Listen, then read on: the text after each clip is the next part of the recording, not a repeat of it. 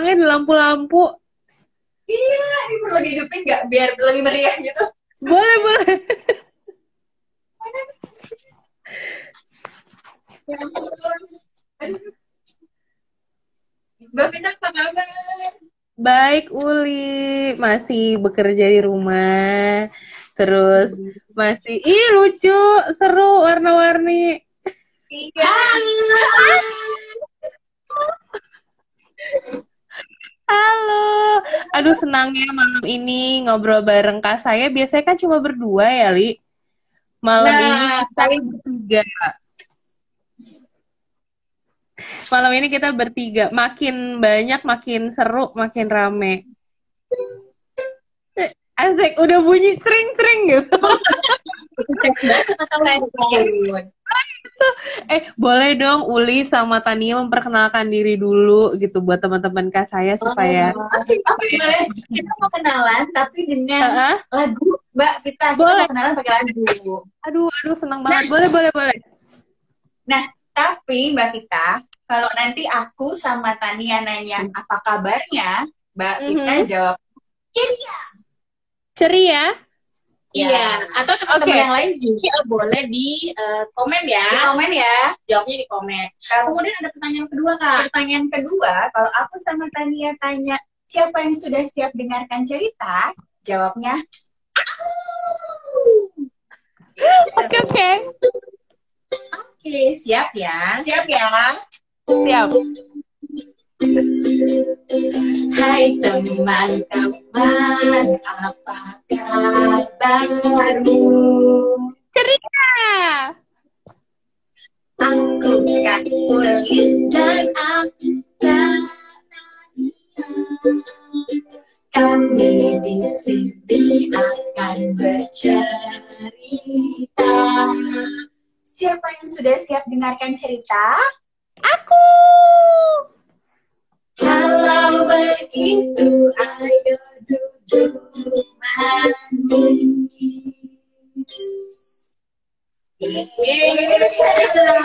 Sebenarnya lagunya cuma buat kenalin namanya siapa, namanya aku siapa sih? Ini openingnya keren banget ya. Nggak pernah-pernah loh kita bikin live openingnya se sehebat ini, ya? sekeren ini. Heeh, seru, aku suka. Jadi jadi Tania. musik perlu dikenalin lagi. Gimana? Ya. Tania, Tania. Tania sibuk Ya, apa? Kalau Uli sih aku sering ngobrol nih. Kalau Tania sibuk apa? Aku sibuk apa ya? Sebenarnya kurang lebih juga sama, eh, masih kerja, masih WFH juga, kadang-kadang ke kantor juga, ya samalah kurang lebih ya, cuman beda eh, beda lapangan kerjanya aja. Iya, kerja. Iya, kita masih semuanya eh, masih semuanya stay di rumah ya, Tania, Li. Iya. Oke, nah hari ini kita kan mau eh, cerita dari buku dongeng yang berbeda dari yang sebelumnya. Ya, kalau yang sebelumnya ngomongin soal buaya, binatang, hari ini kita lebih banyak menceritakan tentang manusia. ngomongin buku cerita Joko sama Jenar. Aku beberapa kali udah pernah lihat sih judulnya, eh, bukunya, tapi belum pernah baca. Dan sekilas kemarin baca tidak terlalu meresapi. Aku yakin kalau Tania sama Uli yang bacain pasti lebih lebih maknyus gitu. Boleh ceritain dulu nggak sih secara garis besar bukunya tuh ngebahas apa? Oke. Silakan Tanya ini suka lempar-lempar ya. Ya langsung kali. Jadi Uh, Joko dan Jenar ini adalah sebuah cerita tentang toleransi. Secara garis besar, Joko Jenar ini mengajarkan toleransi buat kita semua, bukan buat anak-anak aja. Tapi karena ini mengajarkan, karena ini buku anak-anak, dan konteksnya adalah toleransi, supaya anak-anak menerima toleransi, jadi dikemas dengan cara yang lebih halus, lebih mudah dimengerti anak-anak juga, gitu. Nah, yang aku suka dari buku ini karena katanya buku ini uh, secara gamblang, secara terang-terangan menceritakan perbedaan yang ada. Nah, perbedaannya apa itu nanti kita ceritain. Betul. Nah, bahkan dari buku ini juga uh, mungkin bukan buat tentang anak-anak juga ya, Kak. Cuman menurut kami sih lebih menyentil lagi untuk orang-orang dewasa nih. Karena uh, banyak kejadian di dalamnya yang cukup relate ya sama keseharian. Atau mungkin nanti pas cerita ada yang kesentil yeah. di bagian-bagian tertentunya. Nanti kalau ada yang kesentil boleh langsung komen, nanti kita bisa diskusin bareng-bareng ya. Karena aku yakin empati dan toleransi itu kayak makanan kita sehari-hari kan. Misalnya nggak nggak hanya kita melihat orang lain untuk bisa berempati, tapi sebenarnya kita harus bisa merasakan emosi kita sendiri dulu, baru kemudian kita bisa berempati. Nanti ya bahasnya aku mau dengerin ceritanya dulu. Oke. Oke. Kalau begitu, nah, Mbak Vita, sahabat Kak saya, sahabatnya Kauli dan sahabatnya Kak Tiri juga pasti sudah siap untuk mendengarkan cerita ya, Kak? Iya.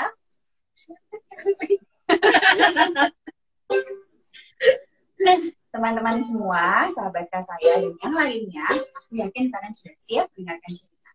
Hari ini, Kauli dan Kak Tania akan bercerita dari sebuah buku dengan judul Joko Jenar Jalan-Jalan.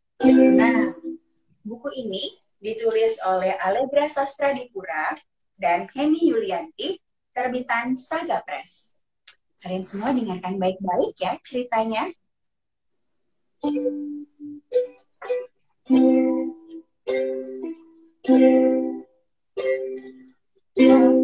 Dan mereka bersaudara, saling peduli, bertoleransi,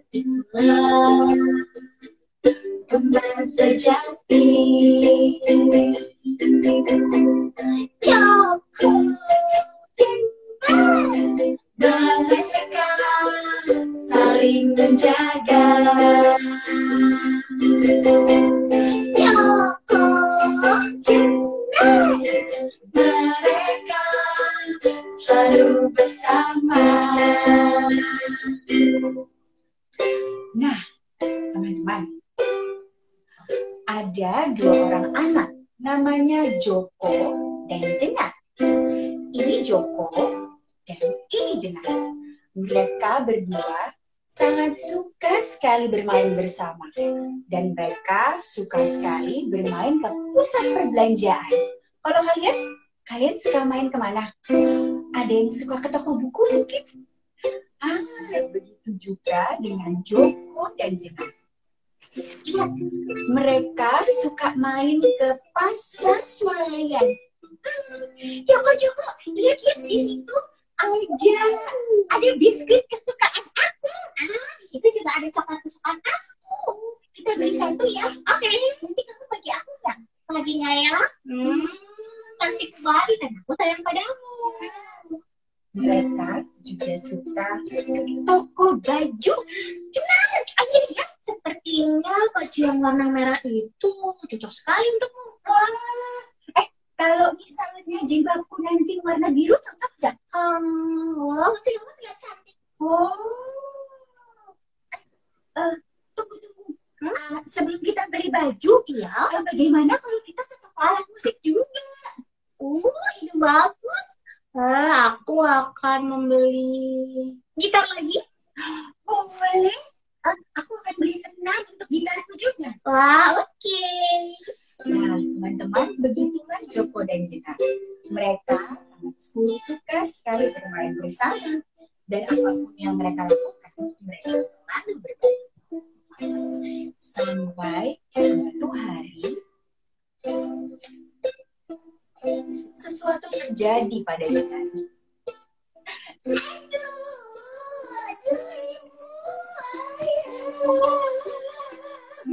Jenar menangis dengan keras. Ada apa ya? Ternyata Jenar terjatuh dari tangga yang sangat tinggi. Jenar terjatuh dan... Oh, anakku, kata Ayah. Jenar, Jenar, ayo kita ke rumah sakit, kata gitu. Ayah dan ibu sangat panik melihat Jenar yang jatuh. Oh, sakit, kakiku sakit, kata Jenar.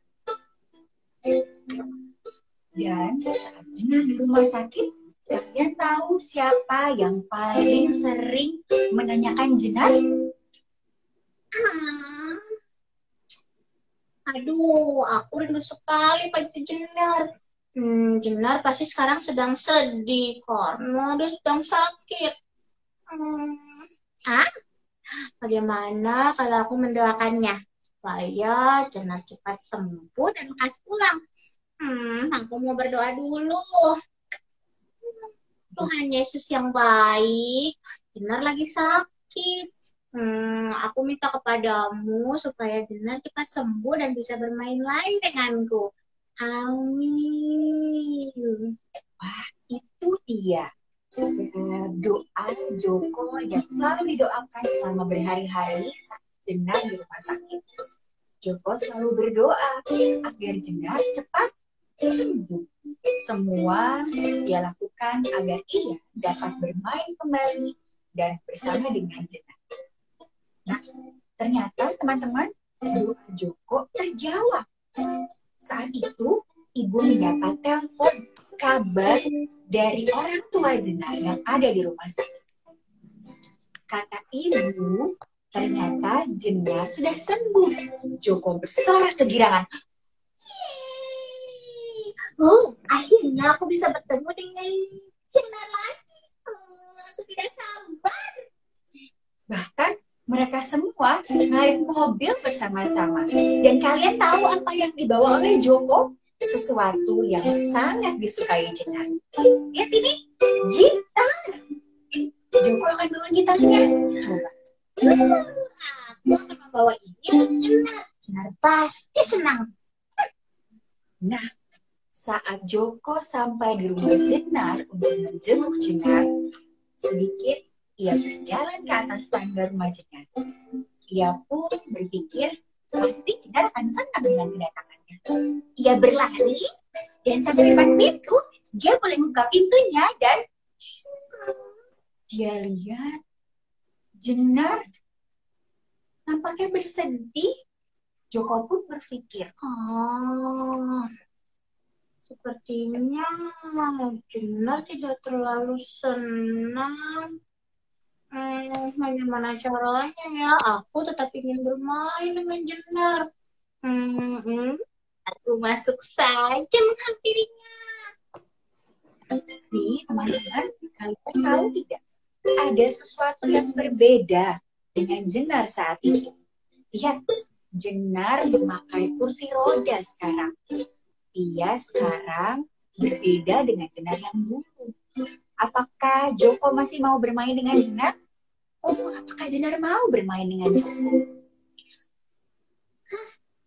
Karena aku sangat sayang sama Jenar, aku harus menghibur Jenar. Jenar tidak boleh sedih lama-lama, karena aku akan selalu menemaninya. Hmm, Jenar, ya, kenapa kamu bersedih? Joko, kamu lihat kan? Aku sekarang di kursi roda. Ah, aku lihat. Iya, aku tidak akan bisa lagi bermain denganmu. Ih, siapa bilang? Hmm, walaupun kamu di kursi roda, aku tetap mau menemanimu ke mana-mana. Hmm, kamu jangan bersedih lagi. Tapi kita tidak akan bisa jalan-jalan lagi. Hmm, tenang saja, kita pasti akan menemukan caranya supaya kita tetap bisa main bersama, jalan-jalan bersama, apa pun bersama. Bagaimana kalau sekarang kita main ih, gitar? Gitar kesayanganmu. Oh, boleh, boleh, boleh. Uh, coba kamu aku mau lihat bagaimana caramu bermain. Oh ya, as aku sudah berlatih. Mungkin aku sekarang sudah lebih jago darimu. Dengarkan aku ya.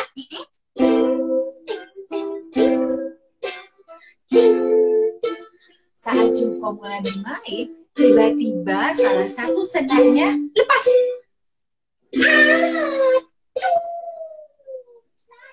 Ya. Ya, itu ya. Bagaimana ya? Ah, bagaimana kalau kamu menemani aku beli senar baru? Saat Joko melontarkan keinginannya untuk ditemani Jenar agar ia bisa membeli senar yang baru. Jenar menutup.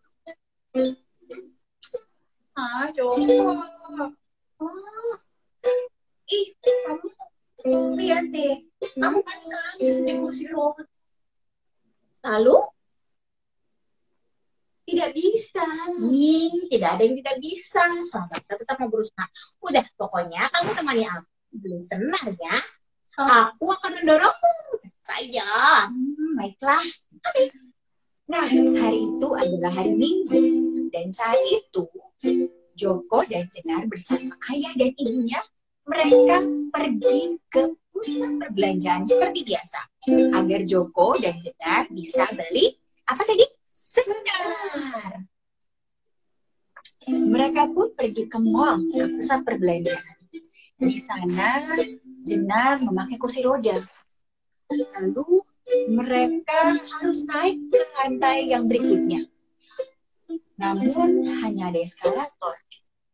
Jenar. Ya, Oh iya ya. gimana? Kita harus ke lantai atas. Iya, Tapi naik eskalator. nggak bisa. Oh iya. Oh, tenang saja, tenang saja. Kita akan tangga. Kita akan gunakan tangga. Tangga. Eh, tapi nggak bisa. uh, aku tahu. Lalu, Kita akan gunakan lift. Ah, ini bagus. Ya. ah, oke, oke, oke. Elevator. Ya, ya, ya, elevator. Lalu dan Jenar pun mengantri di elevator. Di depannya ia mengantri. Tapi elevator sangat penuh dan tidak ada yang mau mengalah untuk membiarkan Jenar dapat masuk ke dalam.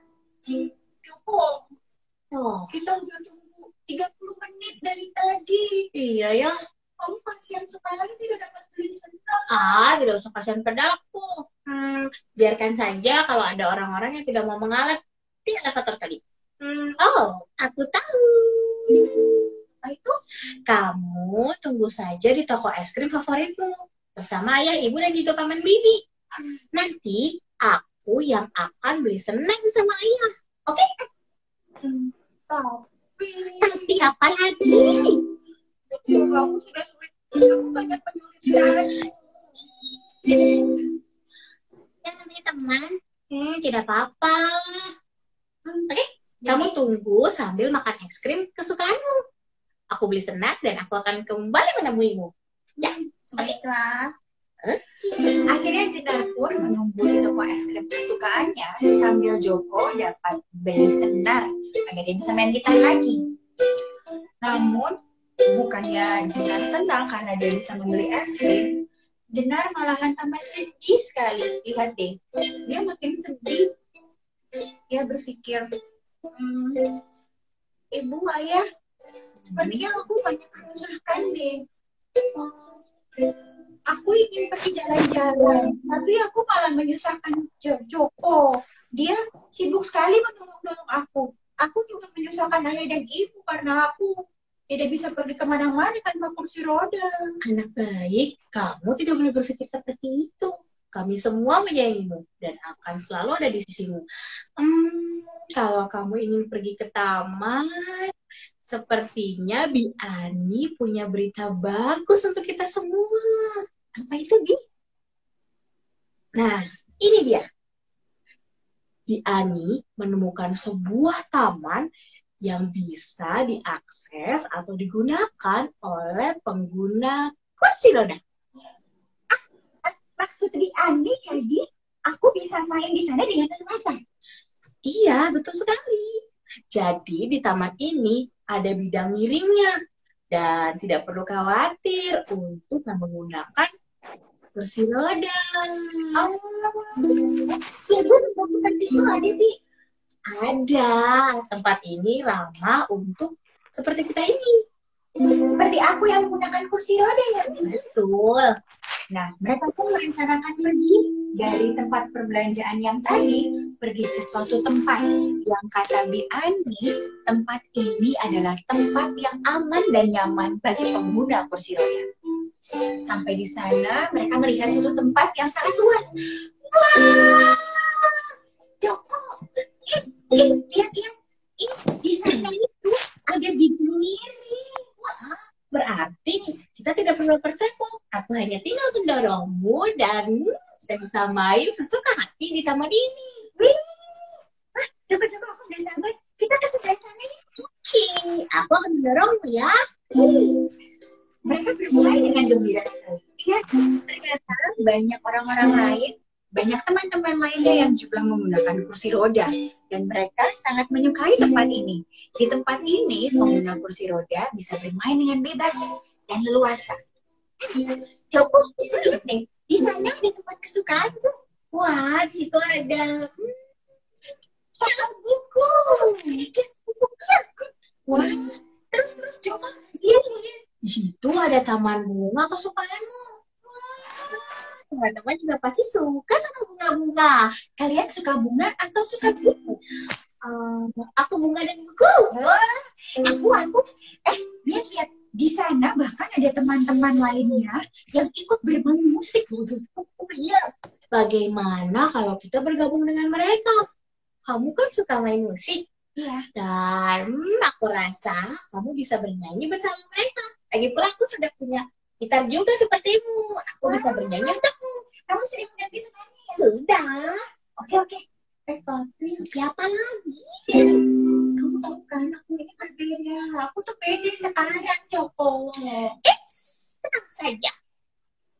Buatku sama saja, tidak ada yang berbeda. Aku tetap menyayangimu, aku tetap menjadi saudaramu, dan aku akan tetap menjagamu. Tapi kalau kamu menerimaku, apakah itu juga dengan mereka? Mereka apakah mau menerimaku? Hmm, aku yakin pasti iya. Bagaimana kalau kita ke sana?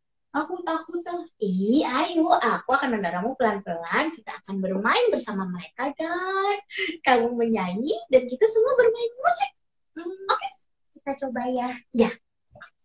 Akhirnya Jenar pun mengumpulkan sekuat keberanian dia. Dia mengumpulkan keberaniannya agar dia mau bermain dengan teman-teman yang lainnya. Karena dia mau bermain dengan teman yang lainnya. Dia pun bersama Joko pergi bersama teman-teman yang lainnya. Ah, di sana ternyata tidak seperti dugaan Jenar dan Jenar tadi. Ternyata teman-teman yang lain pun menerima Jenar. Lihat, mereka semua bermain dengan gembira. Teman-teman di sana menerima Jenar karena mereka punya kesamaan yang sama. Apa itu? Bermain musik. Wah, Joko, ternyata teman-teman di sini baik-baik ya. Betul kan kataku? Eh, bagaimana kalau kita merayakan hari yang indah ini dengan bernyanyi bersama? Wah, betul-betul. Kita harus merayakan uh, meskipun kita berbeda, tapi sebenarnya kita sama ya. Iya, yang penting kita saling menghargai dan menghormati. Daripada aku tidak percaya diri, daripada aku oh merasa diriku berbeda, lebih baik aku gembira karena aku punya teman-teman. Iya, betul sekali.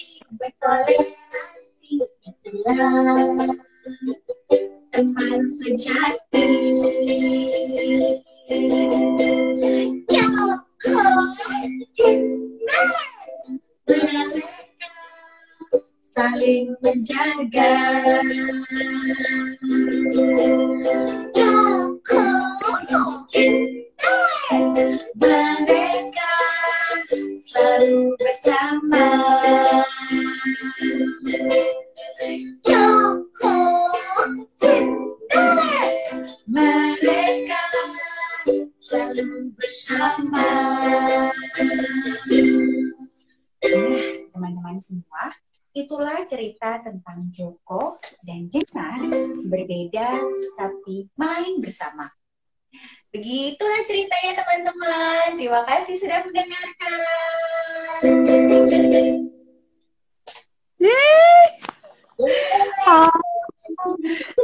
Sekali.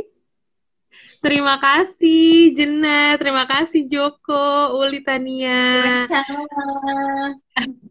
Sangat-sangat menyenangkan ya. Tadi kalimat yang paling aku tangkap tuh adalah eh uh, saat apa teman itu harus saling berjaga, terus juga harus saling apa ya saling menolong ya.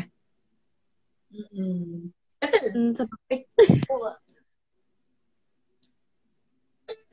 Nah, wow. uh, sama Tania, kemarin kan kita sering banget ya buku-buku ini, buku ini dibaca buat uh, ngajarin anak-anak bagaimana cara melatih mereka untuk bisa lebih berempati gitu sama teman-temannya, sama lingkungannya apalagi. Apalagi sekarang sekolah kan udah nggak homogen lagi ya.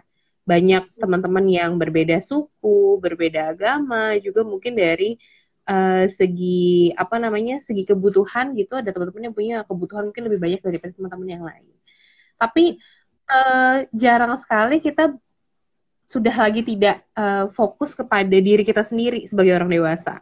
Jadi fokusnya gimana nih supaya anak bisa melatih empati, anak bisa melatih toleransi.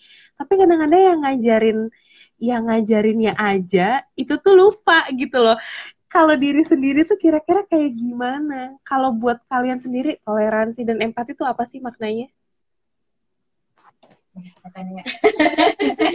nggak bisa nih dari mana dari mana sebenarnya toleransi dan empati itu menurut aku sederhana sih ya kayak saling menerima aja bahwa memang pertama yang ada di dunia ini bukan cuma kita bukan cuma si aku ini tapi juga uh, banyak orang yang lainnya dan pasti sifatnya berbeda gitu ya berarti ya sudah saling menerima aja dan ya membangun itu dalam satu keharmonisan ya. Jadi ya terima aja dan nikmati aja karena itu yang membuat semuanya jadi indah seperti itu.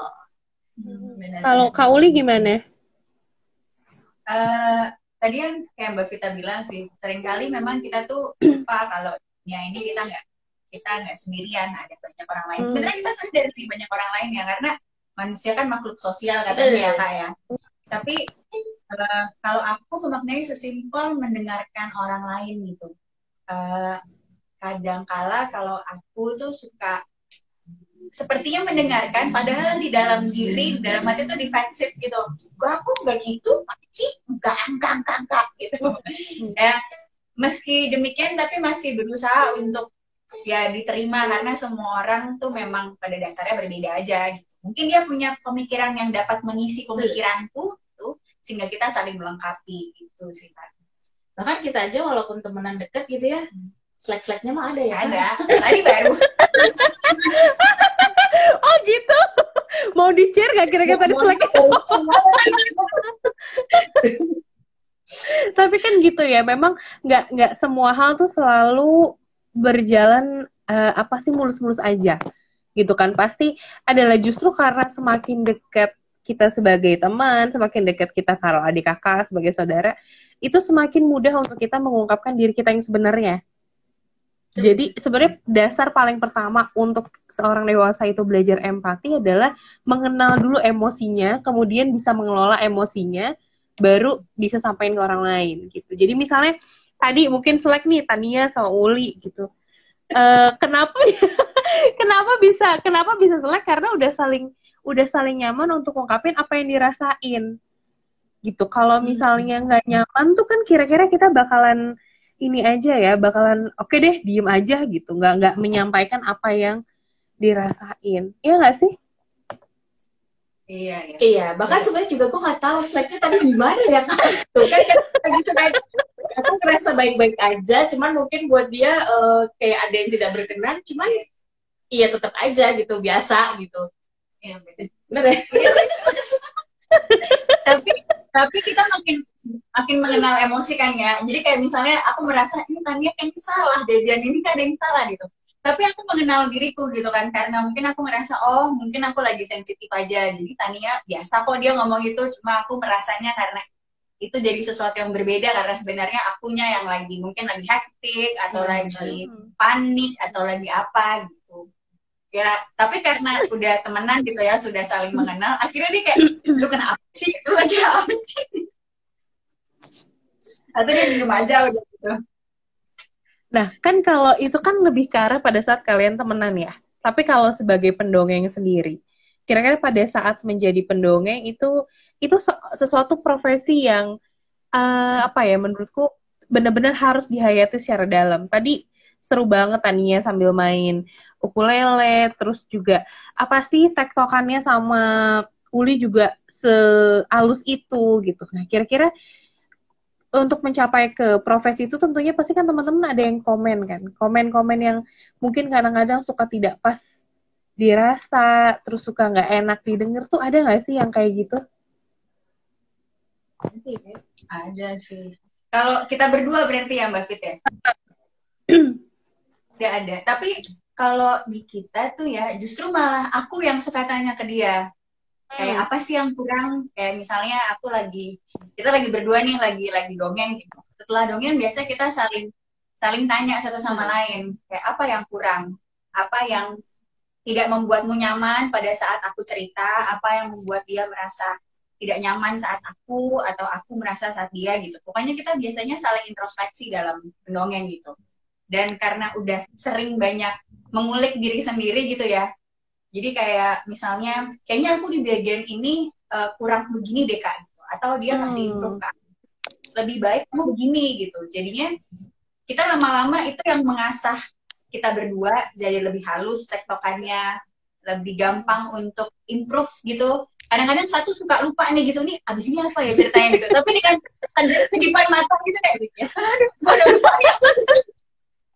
tolong, tolong masa dimas ada yang masuk duluan gitu sih mm -hmm. Tapi sebelum kita memulai itu sebenarnya um, sebelum sebelumnya nih jauh sebelumnya kita um, aku rasa kita mempelajari satu sama lain ya. Kayak misalnya uh, aku pasti mempelajari Uli ini orangnya seperti apa begitu pula juga dengan Uli gitu. Sampai akhirnya uh, mungkin kayak kedekatan atau chemistry itu udah kebangun akhirnya kita sama-sama open uh, kita buat kesepakatan gitu. Mau nggak ya kalau misalnya nanti kita dongeng bareng nih sesudah dongeng kita uh, saling koreksi gitu istilahnya. Hmm. Ya kita di selanjutnya adalah uh, yang lebih sering kita terapin gitu di lapangan. Tapi sebelum semuanya itu terjadi kita kayak buat deal dulu nih. Jadi jangan sampai aku maunya uh, kita buat yuk uh, kita review yuk dongeng kita tadi kayak apa sedangkan mungkin audionya nggak mau gitu jadi kita juga menempuh si kesepakatan itu jadi sama-sama enak dan nggak ada yang merasa beban gitu satu sama lain dan akhirnya keterbukaan itu yang membangun kita berempati. Kalau aku ngelihatnya sih Mbak ya, keterbukaan satu sama lain itu membuat aku mengerti bahwa dan berempati kalau Tania tuh kayaknya dia lagi something happens with Tania gitu, makanya dia nggak nyaman atau uh, apa sih kak yang ada di hatimu gitu? Apa coba lepasin deh. Kenapa? Kenapa kok kayak mas? lemesin ya, lemesin aja gitu.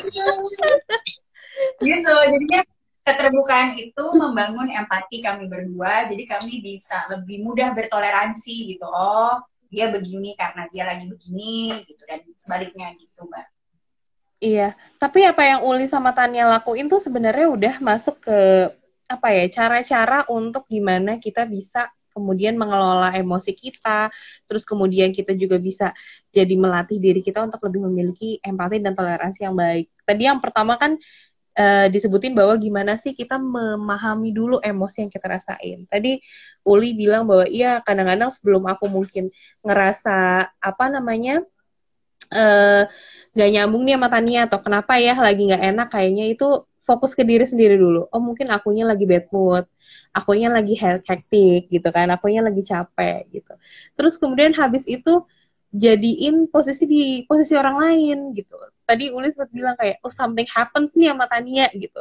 Makanya mungkin dia begini. Jadi hal tersebut tuh sebenarnya udah jadi dasar-dasar untuk bisa mengelola toleransi dan empati tadi. Jadi makanya pada saat main tuh kayak udah nyambung aja gitu. Karena sebenarnya dasar-dasar itu udah diterapin. Tapi kalau ke lingkungan sosial yang lebih besar lagi tuh gimana kayak um, ngomongin diskriminasi terus kemudian apa ya uh, pandangan orang lain sama kita kayak gitu. Sebenarnya um, basicnya karena kita berkegiatannya banyak di hal-hal yang seperti itu gitu ya kita berkegiatan hmm. sosial dan lain-lainnya um, sama aja sih seperti kehidupan sehari-hari. Walaupun tugas kita sebagai pendongeng gitu ada aja gitu ya yang mungkin misalnya eh, nggak uh, suka atau gimana. Bahkan kalau misalnya tadi mbak Vita bilang tentang diskriminasi mungkin mas atau hal-hal yang nggak enak gitu selama kita menjadi pendongeng um, kita mungkin masing-masing punya pengalamannya sendiri-sendiri gitu. Cuman kalau implementasinya sih sama aja sebenarnya kayak kehidupan sehari-hari. Nggak ada bedanya Tapi si si mendongeng ini tuh jadi punya cerita khusus nggak sih buat kalian terkait sama toleransi sama empati? Kayak misalnya ada nggak cerita yang menarik ketika lagi ngedongengin anak-anak gitu ya? Terus kemudian kan kadang kita kalau ngeliat orang lain tuh jadi bisa lebih bersyukur sama diri sendiri nih. Pernah nggak ngedongeng terus nemuin kayak hal yang kayak ya ampun bersyukur banget makasih Tuhan aku kayak gini gitu setelah ngelihat yang lain tapi lewat proses ngedongeng banyak banget sih mbak sebenarnya. Kalau apalagi uh, aku dan Tania sering mendongeng di apa seperti panti asuhan atau rumah singgah gitu kan ya. Ada beberapa rumah singgah dan panti asuhan yang bukan beberapa malah sering banget ngena di hati gitu. Uh, bersyukur kalau jadi membuat kita belajar dan makin bersyukur kalau dunia ini tuh nggak semuanya seperti indah yang kita bayangkan gitu kan. Atau sebenarnya nggak kadang kita suka mikir dunia kita kok kayaknya udah kejam banget gitu udah mm -hmm. udah sedih kali lah hidup awal ini gitu kan. Ya. Gitu kayaknya ya. Tapi ternyata teman-teman ada beberapa teman kita kawan kita yang sebenarnya mereka bahkan masih bisa tersenyum meskipun banyak hal yang lebih sulit yang mereka hadapi gitu. itu yang bikin kita belajar bersyukur belajar empati gitu kan. Oh berarti sebenarnya aku nih nggak sedih-sedih amat harusnya gitu. Atau ternyata banyak hal lain yang aku belum tahu bisa dan bisa syukuri gitu. Kalau Tania iya. pernah nggak tan ngelihat sesuatu yang kayak ya ampun akhirnya aku bersyukur banget nih gitu ya. Walaupun hati galau-galau gitu kan. Mungkin ada hal-hal yang belum belum belum kelar gitu di mana-mana iya. banyak hal gitu kan. Tapi ketika ngelihat akhirnya jadi lebih bersyukur aja gitu. Um, sebenarnya kita juga pernah uh, ngadepin satu kondisi bahwa kita hari itu harusnya mendongeng. Kita kita akan mendongeng cuman moodnya tuh mungkin lagi berantakan atau gimana tuh pernah ya gitu. Cuman balik lagi kayak tadi kita sama-sama lu gue lagi bete nih lu aja deh kak gitu. Nah terus kalau misalnya ngomongin tentang ada pengalaman yang akhirnya ngebuat bersyukur gitu bahwa hidup gue tuh nggak ngenes-ngenes. Eh ngenes apa ya? Sedih. Sedih banget gitu ya. Mungkin mungkin simpelnya waktu um, ke ini kali ya ke bangsal anak cuman di situ adalah uh, adik-adik kita yang pejuang kanker gitu. Awalnya aku kira aku hanya akan mendongengkan satu anak itu anak dampingan gitu. Cuman ternyata pas nyampe ke sana itu satu ruangan itu satu bangsal itu isinya sekitar enam orang ya kayak isinya enam orang. Mungkin Kauli juga waktu itu tidak menyangka ada enam enamnya ya. Enam enam bed itu terisi gitu. Dan terus um, ya mereka kan infus infus gitu ya. Dan pasti kan ya kemo perjuangan mereka kan juga um, ya tahu lah ya kita sama-sama tahu. Cuman saat kita mendongeng mereka ya nggak ada apa-apa ya. Iya mereka happy senyum mereka bahkan ikut nyanyi. Bahkan mereka bahkan mungkin bukan hanya anak-anaknya aja tapi juga orang tuanya. Orang ya. tuanya. Gitu. Uh, dan padahal pada saat itu ya waktu itu tuh Tania seperti agak menjebak aku gitu. Aku tanya kita mau pada saat ke rumah sakit itu kita aku sama sekali nggak tahu aku mau cerita apa. Dan karena dia bilang nanti kau hmm. nanti gue yang cerita gitu. Dia bilang gitu. Terus uh, aku cuma kayak berpikir bahwa aku akan co-partner gitu kan, akan jadi co-partner dongeng gitu. Hmm. Sampai di sana Tania itu bawain buku dan aku nggak tahu isinya apa gitu kan. Kan ini ya dongengnya gitu. Terus kayak, oh ini jebak ini anak ini dongeng apa lagi gitu. Dan kita kan selalu mikir kayak dongeng itu harus prepare. Memang bener sih ya harus prepare dan lain-lain gitu akhirnya pada saat kita dongeng dengan cara yang sederhana dengan cara yang maksudnya terbata-bata lah gitu karena baru baca ya. Tapi mereka mendengarkan dengan happy ya kalau waktu itu ya. Mereka kayak merasa dengan cara yang sederhana pun mereka udah senang gitu. Dengan hmm. begitu aja mereka udah merasa bahwa kayak pada saat itu kayak sakitnya hilang kali mungkin ya gitu. Karena senyumnya sumringah diajak nyanyi waktu itu ya Betul, kita jadi nyanyi. diajak nyanyi mau gitu. Bahkan adik-adik itu nggak tahu kalau Kak Uli sangat cerita. Waktu itu ceritain apa, Li? Judulnya apa masih ingat Apa ya? ya? Eh, oh ini cerita tentang eh, apa sih? Komodo ya? Punya Kak Komodo komodo sama satu lagi yang apa tuh kak? Binatang di Papua itu loh Eh, apa emas gitu. Oh mantan mas. Mantan mantan mas. Iya. Iya, bahkan ya jadi mbak di Papua tuh ada binatang namanya mantan emas pada saat itu buku ada aku baru tahu kalau ada binatang namanya mantan emas coba. Tania nih, Tania nih, ini ya ada sisi apa namanya usilnya juga ya. Bisa gitu kan tidak? jadi sebenarnya Uli itu sering aku jebak. Wah terjebak. Dan sekali sama kita juga em, percaya sih bahwa yang namanya pertemanan persahabatan itu adalah saling membangun gitu ya. Jadi bukan hanya melulu tentang aku atau bukan melulu tentang dia gitu, cuman tentang kita. Makanya aku bilang aku sering menjebak. Jadi kalau misalnya bikin cerita nih ya kayak simpelnya mungkin pas uh, awal-awal kita ngedongeng, oh ya aku bikin cerita ya segala macem. Tiba-tiba lu aja deh bikin cerita gitu. apa Kalau hari ini gimana? Kalau hari ini gimana tektokannya? Kalau Eh, hari ini udah kebetulan buku ini adalah buku yang lumayan sering kita bawain bawain juga. Dan kalau teman-teman lihat di feed aku dan Tania ada Joko Jenar tangan Tangan kakek. Nah itu adalah salah satu seri Joko Jenar gitu ya kak ya. Tentang Lebaran kemarin. Jadi kami udah familiar dengan Joko Jenar karena sering bawain Eh, makanya yang ini tektokannya halus banget karena udah biasa Hari ini nggak menjebak ya Tania? ah, hari ini hari ini saya malah yang merasa terjebak eh salah jadi kalau diperhatiin di awal mbak sebenarnya gue lupa harus nyanyiin lagu itu tapi gue disenggol kakinya oh iya bener gue harus nyanyi Aduh. Iya. Berarti memang baca membaca buku tuh sama seperti yang minggu lalu aku sampaikan ke eh, ke Uli ya bahwa tuh jadi ada proses terapeutiknya sendiri di situ. Banyak klienku yang kadang-kadang eh, kita kan ketemu klien banyak ada yang gampang banget nih dicolek aja udah bocor gitu emosinya keluar. Ada yang ada klien yang kayaknya udah gimana gitu udah sampai jungkir balik gitu ketika dikulik-kulik emosinya nggak juga keluar gitu. Atau misalnya emosinya yang salah yang harusnya yang harusnya dia eh, seneng dia malah nangis yang harusnya dia nangis dia malah ketawa. Itu kan juga ada yang seperti itu. Nah kadang kita bisa ngajak lewat membaca dongeng. Jadi memposisikan posisinya itu di dalam cerita kemudian divisualisasiin diimajinasiin gitu. Sehingga dia kira bisa ikut berempati sama hal tersebut. Nggak kebayang sih gimana Uli sama Tania bisa udah melakukan itu tanpa proses terapeutik yang didampingi. Maksudnya itu bagus banget gitu. Kadang-kadang kalau kita lagi sedih bisa inget satu atau dua cerita yang mungkin jadinya kita kecolek-colek gitu bisa relate sama hal itu. Atau misalnya sesimpel kadang-kadang pacaran beda agama gitu ya baca Joko Jenar aja mungkin pikiran pikiran udah ke mana-mana ada Joko kayak si itu gitu. Mungkin bisa jadi bisa jadi kayak gitu gitu. Jadi hal-hal simpel menurut aku yang kalian lakuin tuh udah luar biasa luar biasa baik banget buat diri sendiri dan juga buat orang lain.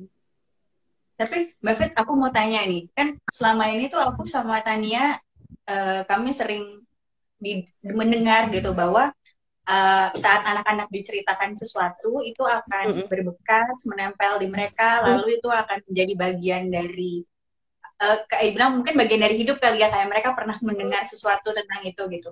Tapi sebenarnya aku dalam hati tuh kayak bertanya, ah masa iya sih, kan kita cerita cuma satu kali gitu, berbeda dengan kayak aku sama Tania tadi cerita tentang Joko Jenar tuh kan udah berulang kali gitu kan ya terus Betul. menerus menerus Betul. gitu. Nah kalau anak-anak yang baru diceritain satu kali mbak, apa sebenarnya Mm-mm. itu berefek gitu sama mereka? kalau misalnya kita ngomongin itu kita akan membahas bagaimana perkembangan kognitif kita terkait sama memori kita. Jadi kalau misalnya Uli sama Tania bacain sebuah cerita, cerita yang baru didapetin itu tuh masuk ke dalam otak, kesimpan dulu di short memory namanya. Memori jangka pendek. Jadi dia di di dalam otak kita nih kayak ada lemari-lemari gitu kalau kebayang uh, lemari yang suka di TV-TV, yang kalau di apartemen di bawah buat naruh-naruh surat gitu kecil-kecil. Nah, si memori ini tersimpan lah di situ. Kayak film apa tuh yang ada sadness, terus juga ada ya, ya, nah Inside Out. Nah, kayak gitu, memori itu kesimpan di bola-bola dulu. Nanti ketika ada hal yang terkait sama hal itu, tanpa sadar kita akan menarik memori yang sebelumnya pernah kita baca, eh pernah kita dengar, pernah kita baca, pernah kita lihat. Jadi sebenarnya bukan berarti otomatis itu akan keinget terus-menerus, tapi ketika kita tanamkan sesuatu yang baik sama anak lewat bacaan, lewat film, lewat perilaku itu tuh akan kesimpan dulu di box-box itu. Suatu saat dia akan menemukan hal yang mirip, dia keluarin tuh, oh aku pernah belajar kalau sebenarnya empati tuh kayak gini toleransi tuh kayak gini gitu. Jadi sebenarnya tidak semerta-merta inget terus gitu, Li, tapi dia tersimpan baik di dalam storage di kepala kita. Mungkin kalau Uli kenapa inget banget waktu kecil mama mami sering cerita gitu ya. Terus kemudian hari ini akhirnya terinternalisasi jadi pendongeng.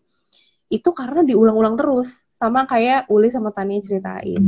Nah, hal tersebut biasanya juga ditemuin pada saat konseling jadi kalau konseling nih misalnya klien-klien yang memiliki uh, trauma atau memiliki pengalaman traumatis itu biasanya akan terus disuruh menceritakan bagaimana perasaannya dia, dikorek gitu sampai perih banget rasanya karena hal tersebut nggak mau ya nggak mau kita dengerin lagi nggak mau kita inget-inget lagi. Tapi sampai akhirnya kita bisa menceritakan itu dengan runut berarti bisa dibilang proses konselingnya udah mulai berjalan dengan baik. Gitu. Jadi nggak selalu nggak nggak selalu harus ingat sih tapi dia disimpan di dalam memori di dalam kepala kita. Gitu bener juga sih mbak kayak uh, apa namanya hal yang sering aku obrolin sama Tania saat kita selesai mendongeng sebenarnya mm -hmm. selain daripada kita gitu ya bagaimana kita mendongeng mm -hmm. tuh pasti adalah respon anak-anak pada saat mendengarkan cerita mm -hmm. ya lah ya gimana anak-anak itu senyum atau gimana anak-anak itu pada saat dengerin cerita gitu itu pasti akan kita obrolin gitu. dan kadang tuh uh, respon-responnya mereka membuat kita nggak nggak terduga gitu ada yang hmm, ada yang ketawa padahal kita nggak ngapa-ngapain. Maksudnya kita berdua merasa aja gitu iya gitu.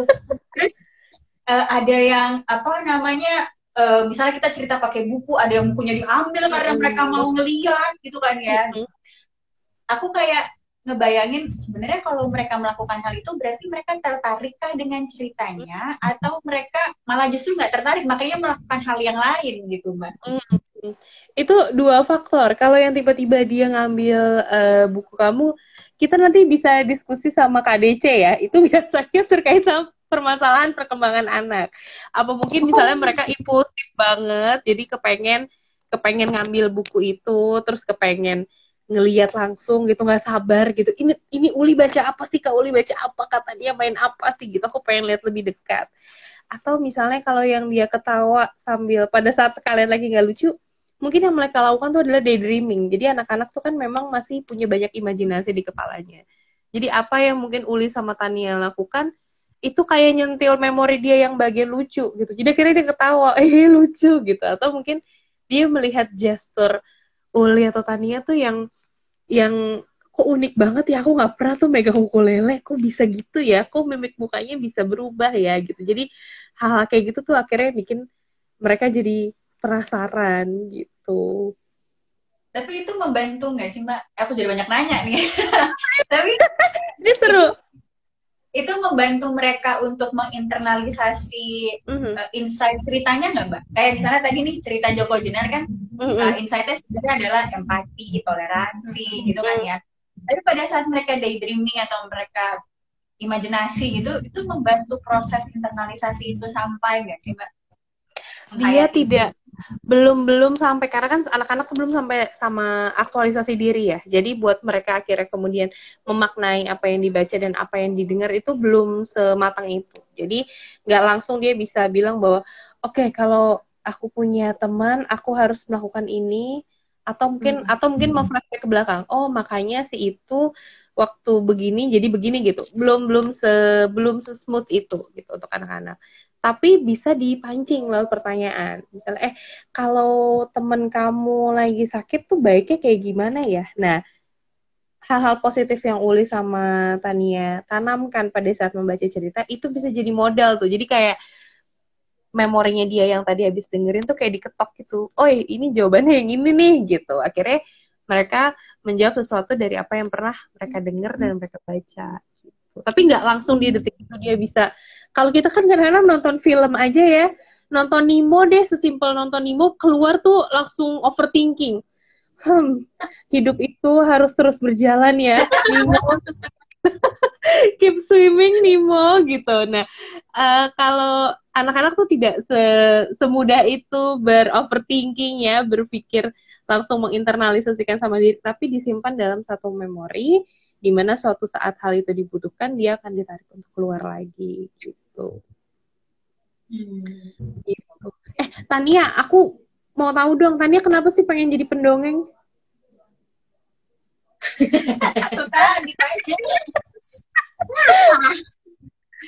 Sebenarnya jawabnya sambil sambil main ukulele dong. Oh, coba coba coba ayo ayo. banget. Challenge coy. Duh, kalau biasanya aku yang ngerjain Coba ayo silakan. apa ya?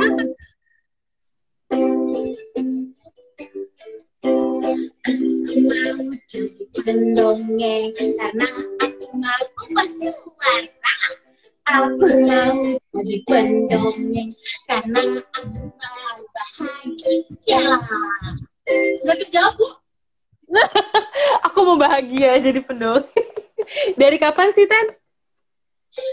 Aku itu Ukulele, ukulele. Oh, kalau ukulele kan? Enggak, maksudnya lu jawab pakai Oh, ukulele. Bagus. Mbak Vita seperti, seperti memberi kesempatan buat ini buat ngerjain aku ya. aku itu pendongeng dari tahun 2013. Mm-mm. Terjun ke dunia dongeng, dunia anak-anak lah 2013. Kalau ditanya alasannya, ya alasannya kayak sama. Tadi kayak Mbak Vita nanya kenapa mau menjadi pendongeng. Alasan dasarnya banget karena aku cuma pengen ubah-ubah suara. Ih lucu ya, suaranya bisa begini. Ih mukanya bisa begini. Ih suara yang ini berubah lagi. Sebenarnya awalnya dari penasaran itu doang sih. Sampai akhirnya berkembang menjadi aku ingin bahagia. Bagus kan ya jawabannya? Boleh lah. Boleh lah. Ini aku baca yang DM ke kak saya katanya, Kak, itu tinggal 4 menit lagi live. Emang iya ya, Li? Oh iya, betul. oh my god, ternyata betul. Oke. Ternyata betul. Betul. Ya udah, kita mungkin kita sekarang dari dada dulu. Nanti kapan-kapan kita ngobrol lagi. Uli, Tania, makasih banyak atas eh, apa live-nya hari ini. Aku besok mau nggak mau banyak-banyak nanya, aku mau dengerin dongeng aja sesatu jam, bisa nggak?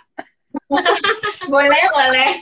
Kayaknya selama satu jam kita dongeng bareng malam-malam nih nggak cuma bantu buat diri sendiri, tapi buat orang lain juga. Buat ibu-ibu yang sambil tidurin anak tinggal nyalain live-nya aja terus ditaruh anaknya langsung tidur. Terima kasih banyak Uli, Tania waktunya. Kayaknya satu jam nggak pernah cukup ya. Iya. Lain lagi ya Mbak Fit ya. Next time. Lagi ya. Iya, kita cari buku yang seru nanti kita diskusiin bareng-bareng lagi. Boleh. Thank you. Nanti kalau mau dengerin bisa dengerin di podcast akan saya. Oh, oke oke. Terima kasih Mbak Vita. Terima kasih Kak saya. Ya, Uli, thank you. Dadah. Bye. Terima kasih teman-teman. Ya, teman-teman, terima kasih sudah mendengarkan obrolan aku, Tania, dan juga Kak Kak saya. Nanti bisa dilihat di IG-nya Uli dan juga IG-nya Kak saya. Juga jangan lupa ada podcastnya Kak saya ya. Terima kasih sudah mendengarkan cerita hari ini. Dadah! You